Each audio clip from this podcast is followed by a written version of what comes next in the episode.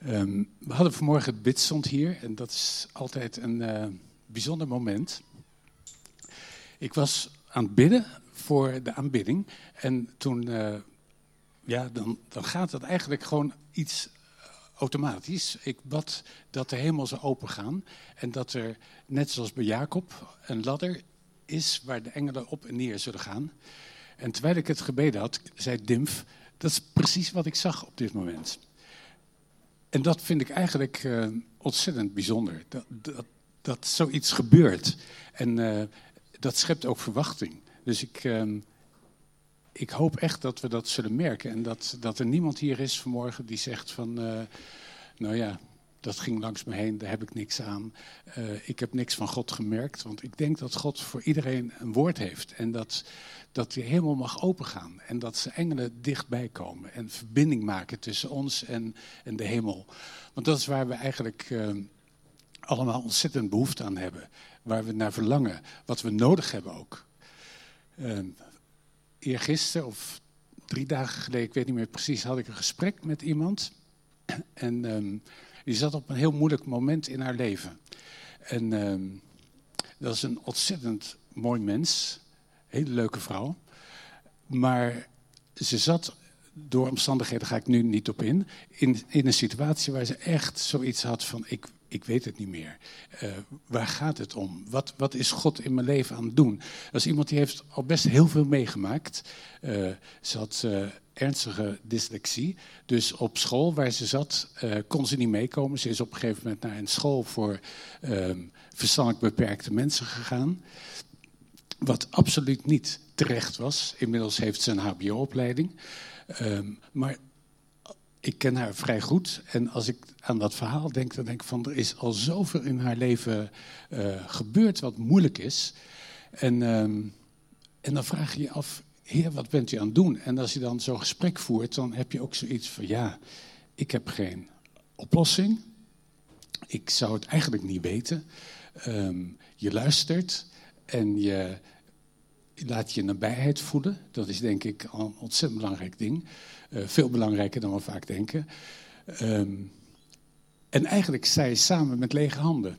Heb je het gevoel van, uh, ja, Heer, uh, wat bent u aan het doen? Dan lijkt het leven een puzzel met allemaal losse stukjes waar je eigenlijk geen patroon in kan ontdekken. En um, um, toen we aan het bidden waren, toen kwam Romeinen 5 in mijn gedachten. Romeinen 5 gaat over het feit, ik zal het straks lezen, dat er verdrukkingen zijn en uh, dat die verdrukkingen ons helpen om te volharden. En dat die volharding nodig is om uh, beproefd te worden, om karakter te krijgen. En dat er dan hoop ontstaat en dat we dan de liefde van God ervaren.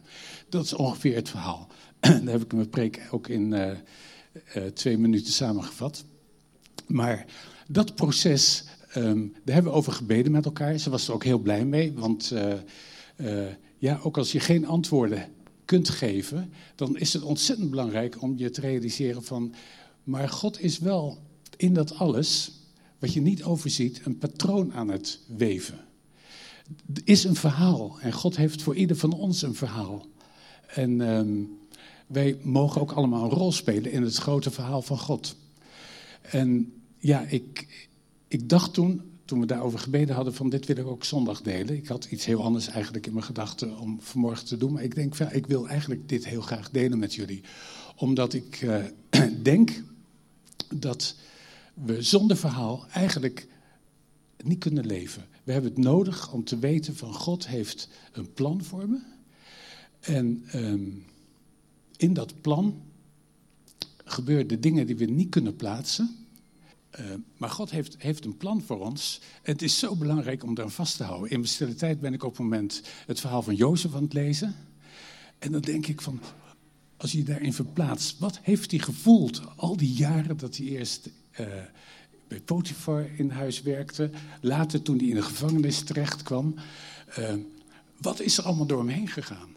En dan realiseer je van dat hele moeilijke traject, dat heeft God gebruikt om hem voor te bereiden op een taak die uh, gigantisch was. Die ontzettend belangrijk en strategisch was in de wereld. Hij heeft ervoor gezorgd dat een hele generatie van de hongersdood is gered. Maar het voortraject daarnaartoe, dat was enorm zwaar. En, ik, en ik, uh, nou ja, daar kun je over speculeren. Hoe heeft Jozef, Jozef zich gevoeld? Um, het vergeten worden, het uh, miskend worden, het bedrogen worden. Dat allemaal heeft hem natuurlijk ontzettend geraakt. Heeft hem ontzettend veel pijn gedaan. En um, ja, God spaart ons die pijn niet. Dat is uh, denk ik ook iets wat we ja, waarschijnlijk allemaal wel beseffen zo langzamerhand. Dat pijn hoort bij het leven, verlies hoort bij het leven. En de grote vraag is, um, kunnen we daarin als het ware de spanning en de pijn en de moeite verdragen? Kunnen we dat leren verdragen en kunnen we leren om vast te houden aan het feit dat God in dat alles ons niet uit het oog verliest? Uh, ik ben ook in mijn stille tijd Job aan het lezen. En uh, er zijn veel mensen die, als je door moeilijke dingen heen gaat, proberen je een snel antwoord te geven. Of op te beuren, of wat dan ook. Wat ik in Job zo bijzonder vind, is dat God de moeite heeft genomen om een heel Bijbelboek als het ware te wijden aan het feit dat er zoveel goedkope en verkeerde antwoorden zijn. Die wel sluitend zijn op de een of andere manier, wel het gevoel geven van ja, dit, klopt allemaal, er is geen spel tussen te krijgen, maar het klopt dus niet. En uh, ik vind het heel bijzonder dat God dus uh, ook al die vrome argumenten als het ware doorprikt in Job. En dat hij um, veel meer waarde hecht aan de eerlijke wanhoop van Job. Aan het feit dat hij het niet weet, dat hij uh, het liefst er niet meer zou zijn. En al die dingen die mogen daar gebeuren. Terwijl de mooie verhalen enzovoorts door God gewoon worden doorgeprikt. En dat God daar kennelijk een ontzettende hekel aan heeft. En ik geloof dus dat in het leven van een christen het erop aankomt dat we echt leren om in de realiteit te staan. Um, ik ga uh, Romeinen 5 lezen, want als er één persoon is die uit ervaring kan spreken wat het is om door moeite en strijd heen te gaan, dan is het Paulus. En Paulus die heeft een leven gehad. Jezus zegt ook tegen hem, als hij geroepen wordt om uh, uh, apostel te worden, dan zegt hij tegen ik, ik ga je een hoop moeite laten doormaken. En dat is de manier waarop jij mij gaat verheerlijken. Nou, dat is een leuke roeping. Ik weet niet wie erop zit te wachten. Uh, ik vind het ontzettend fijn om een roeping te ontvangen en de bestemming en de bediening enzovoort. Paulus die, uh, die kreeg dus van tevoren de opdracht van, uh, ja, dit gaat je alles kosten. En en dat had hij ervoor over. En hij schrijft in Romeinen 5 het volgende. De Romeinenbrief is trouwens ook zo'n brief waarin eigenlijk dat grote verhaal wordt verteld. Het grote verhaal van uh, um, ja, de mens zonder God, um, de wet die niet helpt, uh, het geloof en de genade die we mogen ontvangen de manier waarop God ons dan gaat gebruiken in een wereld die in wanhoop is. En uh, met allemaal praktische vertaalslagen erin enzovoort. Romeinen is, is wat dat betreft een ontzettend interessante brief en een leerzame brief. Nou, ergens in het midden krijg je deze verse. Wij dan, gerechtvaardigd uit het geloof, hebben vrede met God door onze Heer Jezus Christus door wie we ook de toegang hebben verkregen in het geloof tot deze genade waarin we staan en roemen, in de hoop op de heerlijkheid Gods. En niet alleen hierin, maar we roemen ook in de verdrukkingen, daar we weten dat de verdrukking volharding uitwerkt en de volharding beproefdheid en de beproefdheid hoop en de hoop maakt niet beschaamd, omdat de liefde van God in onze hart is uitgestort door de Heilige Geest die ons gegeven is, zo zeker als Christus, toen we nog zwak waren, te zijner tijd voor goddelozen is gestorven. Ik stop hier even.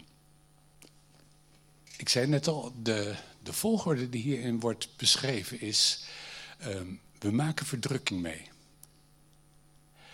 En bij verdrukking kun je denken aan gewoon de moeilijke dingen. De vijanden waar Bram het over had. Uh, de dingen in je eigen uh, karakter, je eigen zwakte, je, stommiteiten. Maar je kunt ook denken aan al die dingen die gewoon op je weg komen, waar je niks tegen kunt doen, zoals ziekte en pech en uh, baanverlies en geldgebrek en noem maar op. Al die dingen die gebeuren in je leven. En ehm, daar kun je voor weglopen. Je kunt het geloof proberen te gebruiken als een soort uh, snelle oplossing. Maar meestal werkt dat niet zo. Um, wat Paulus hier zegt is, als je die verdrukkingen meemaakt en je zegt er ja tegen, je aanvaardt dat, je, je, je aanvaardt de realiteit zoals die is, dan helpt dat je om uh, te volharden. In plaats van weglopen. Volharden zou je kunnen vertalen als het in je situatie blijven. Uh, heeft daar een heel goed verhaal over geschreven. Dat hij zegt, volharden is eigenlijk niet weglopen. Volharden wil zeggen, ik blijf op mijn plek staan. Uh, hoe moeilijk het ook is, ik aanvaard de realiteit, ik verzet me niet tegen, ik probeer niet te vluchten, ik probeer het niet uh, van me af te duwen of zoiets, maar ik, ik blijf in die situatie. Dat is volharden. Dus dat heeft niks te maken met uh, kies op elkaar en, en verbeten, proberen toch een beetje staande te blijven of zoiets. Volharden ik wil zeggen, ik blijf op mijn plek staan en ik geloof dat God bij me betrokken is. En dan zegt Paulus, die volharding, die leidt dan tot beproefdheid. En beproefdheid, dat is eigenlijk het woord voor uh, karakter. Door de dingen heen wordt je karakter gevormd. En uh, in onze tijd kijken we heel erg naar de buitenkant, hoe je overkomt, het zichtbare waar uh, Jaap het over had. Dus hoe wij overkomen, daar hechten we ontzettend veel waarde aan. Karakter gaat juist over die andere kant, van binnen, wat niemand ziet. Maar karakter is, weten we allemaal, eigenlijk veel belangrijker dan imago. En uh, door de moeite heen wordt ons karakter gevormd. En is God met ons bezig om ons te maken tot mensen die niet met alle winden meewaaien en, en heel, laat ik zeggen, labiel zijn een soort, maar die stevig zijn, die op hun voeten staan, die niet uh, weglopen. En uh, karakter is iets ja, wat in de eeuwigheid blijft doorbestaan. Dus ik vind dat, als je het nou hebt over het grote verhaal, vind ik een van de mooiste dingen dat je hier mag bedenken dat alles wat we hier leren deze wereld, dat dat een rol gaat spelen in de positie die we straks zullen innemen. Ik weet helemaal niet hoe dat precies werkt, maar er zijn allerlei plekken in de Bijbel waarin gezegd wordt dat we als koningen zullen heersen. Dat we de verantwoordelijkheid krijgen over steden, over dorpen, over landen enzovoort. Ik, ik kan dat allemaal niet zo precies plaatsen, maar ik neem het wel serieus. En wat we hier dus leren is, net zoals eigenlijk bij Jozef zou je kunnen zeggen, is een soort voorbereiding op de positie die God voor ons bedoelt. En die we al nu natuurlijk ook mogen uitleven. dus het is nooit of nu of later, het is allebei. En uh, dat karakter, dat geeft ons ook hoop. En hoop is een van de dingen die, denk ik, in deze tijd meest nodig is. Als je kijkt naar bijvoorbeeld zo'n uh, scholierenprotest tegen het klimaat, ja, logisch. Je, wil, je staat aan het begin van je leven en je wilt de hoop dat, dat er nog echt een leven is. We hebben hoop nodig. Zonder hoop uh, ja, raak je in een spiraal naar beneden. En uh, hoop is dus in de Bijbel niet een soort vaag iets van, nou ja, misschien dat het straks allemaal beter wordt of zo. Maar hoop is een kracht waardoor je um, overeind kunt blijven. En hoe weet je dat nou, dat die hoop reëel is, zegt Paulus. Hij zegt, nou ja, ervaar de liefde van God. De liefde van God ervaren, tot je door laten dringen, dat maakt dat je weet van, ja, hij houdt echt van me, hij geeft om me. Hij laat me niet uh, bungelen. Nou, dat is eigenlijk kort samengevat. En nou wilde ik eigenlijk uh, over die drie woorden die je... Ja, dit is een heel grappig gedeelte. Je, je, leest over de Vader, de Zoon en de Heilige Geest. Je leest ook over geloof, hoop en liefde. En uh, dat is uh, eigenlijk waar ik nog even op wil toespitsen. In de laatste... Nou, ik heb nog even ik wil even toespitsen op die drie begrippen. Want die drie begrippen, geloof, hoop en liefde, die plaatsen ons alle drie in een soort spanningsveld. Geloof plaatst ons in, in het spanningsveld van het uh, zichtbare en het onzichtbare. Van uh, de hemel en de aarde. Van verstand en geloof. En dat spanningsveld, dat is uh, iets wat je ja, moet willen omarmen. Waarvan je moet willen zeggen van ik, uh, um, ik ben bereid om in geloof te leven, ziende de onzienlijke. Het, het zichtbare is niet, heeft niet het laatste woord. En um, ja, ik denk dat dat voor ons westerse mensen, die heel rationalistisch uh, opgroeien, dat dat echt een, uh, een hele lastige is. Hoe kun je in die spanning, in die paradox, hoe kun je daarin overeind blijven? Ik had een gesprek afgelopen zondag in de kerk bij ons in Wageningen met iemand hoog opgeleid. En die zei tegen mij op een gegeven moment van, als ik de kerk binnenkom, dan hang ik mijn verstand aan de kapstok. En dan ja, want het draait hier om geloof. En ik zei dus tegen hem, van, dat vind ik nou ontzettend dualistisch. Dat vind ik heel erg, als het ware, het uitspelen van geloof en verstand. En dat is niet nodig. Tuurlijk is geloof ontzettend belangrijk. Geloof is bewijs van de dingen die we niet zien. Nee, het geloof is de zekerheid van de dingen die we hopen en het bewijs van de dingen die we niet zien. Dat wat je uh, diep in je hart weet, waar het om draait in het leven, dat, je leven zin geeft. Waardoor je weet, het, ik ben niet een product van tijd en toeval. Dat heeft te maken met geloof. En weet je wat zo mooi is? Als je het geloof uh, zijn plek geeft, dan komt ook het verstand op zijn plek. Het verstand is een uh, hele goede dienaar, maar een slechte meester. Dus als het verstand bovenaan gaat staan, dan krijg je problemen. Dan wordt geloof steeds lastiger. Dat hebben we de afgelopen paar honderd jaar gezien in onze cultuur in het Westen.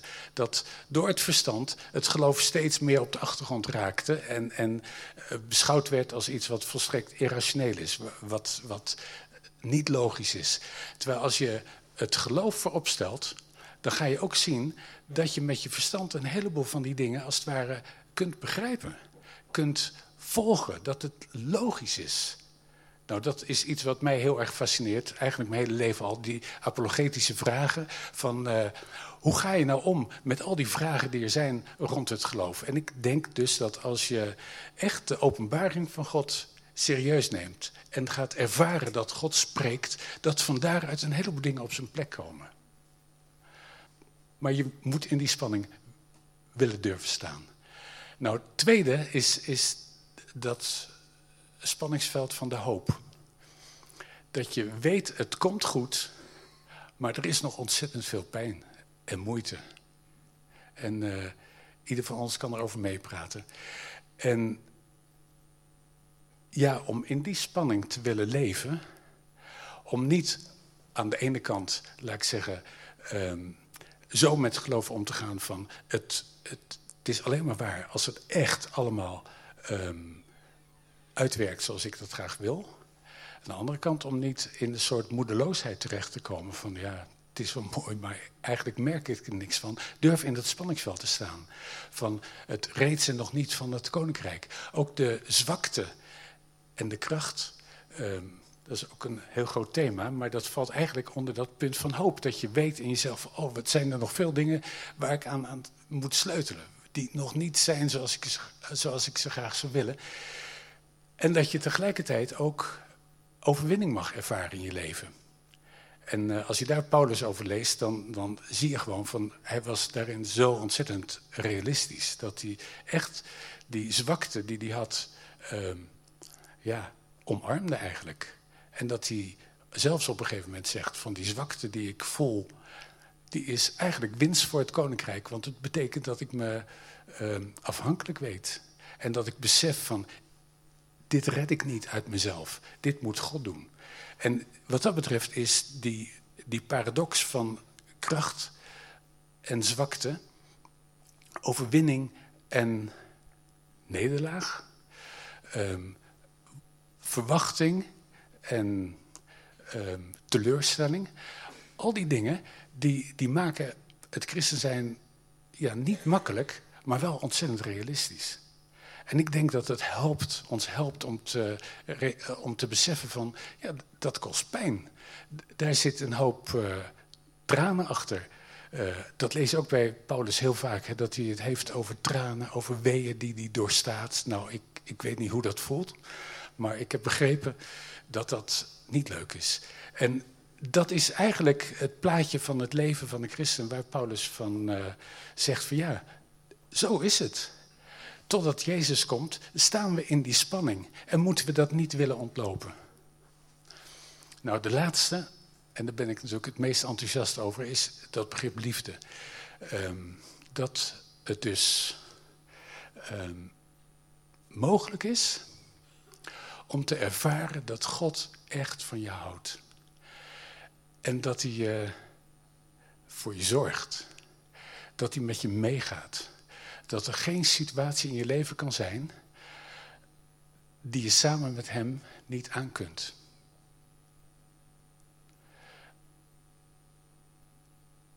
Klinkt als open deur, maar ik, ik denk dat we niet ja, voor een procentje uh, kunnen bevatten hoe ontzettend bijzonder dat is. Hoe ontzettend groot het is dat God ons zo lief heeft dat we geen moment uit zijn oog verdwenen zijn. Uh, dat er geen moment is waarop hij uh, denkt van nou ja, laat maar eventjes. Ja, hoe kan ik dit uh, bij je binnenbrengen? Je weet het. En toch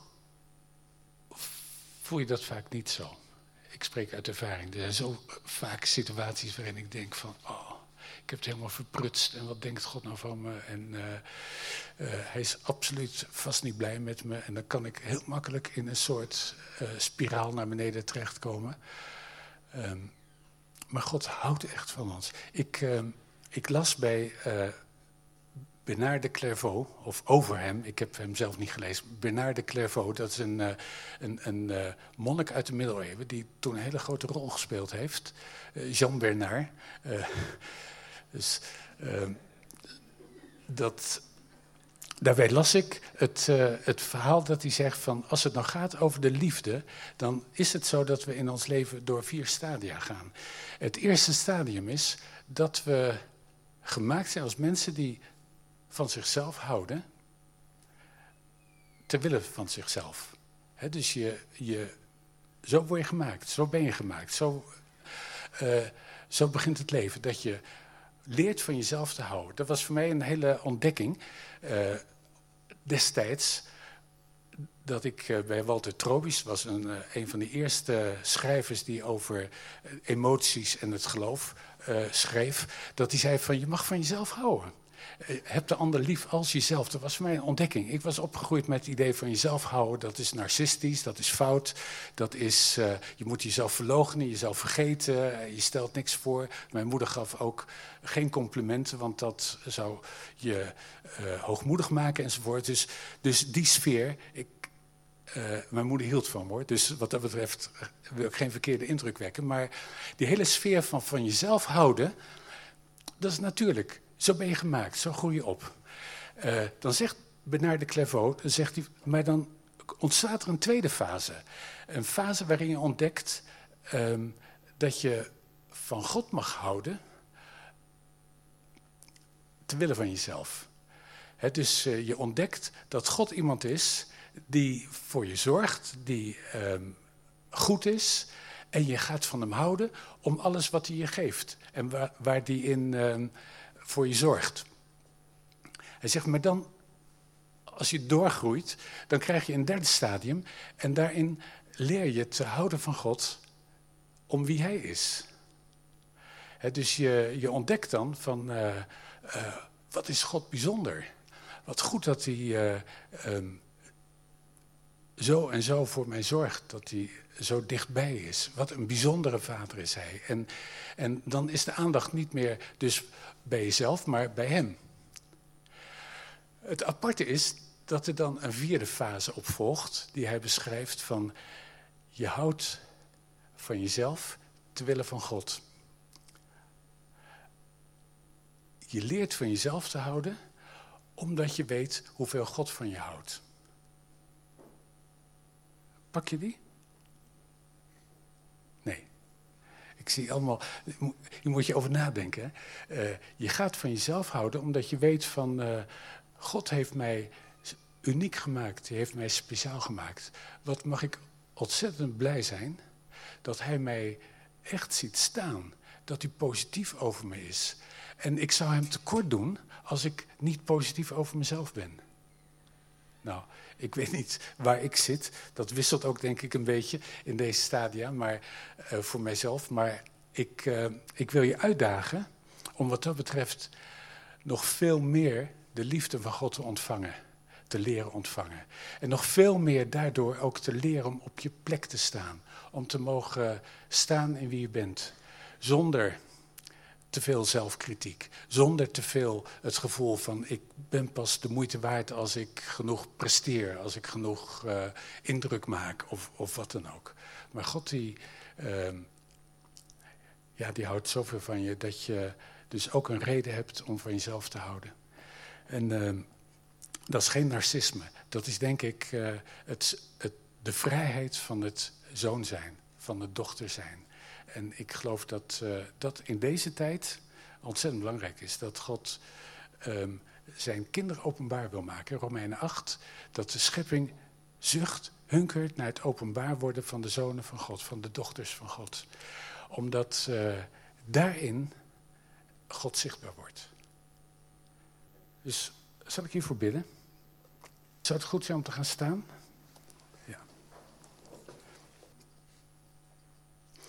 Heer, u weet uh, precies wat er in ons omgaat. Hoe we hier staan en uh, waar we mee worstelen. Waar we leren volharden. Hier waar we de neiging hebben om weg te lopen.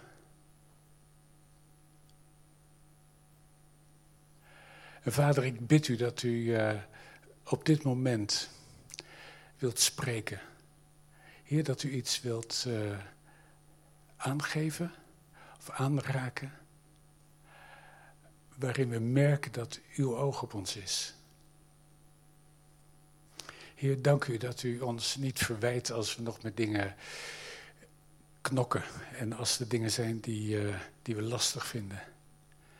Heer, dank u dat u uh, met ons bezig bent. Met ontzettend veel geduld. Heer, dank u dat u de liefde die u voor ons heeft in ons hart wilt uitstorten. En dat storten, dat is niet een klein straaltje, maar dat is overvloedig. En ik bid u dat u op zo'n manier komt, nu. Dus ik wil je zegenen met een uh, grotere ontvankelijkheid voor de liefde van God.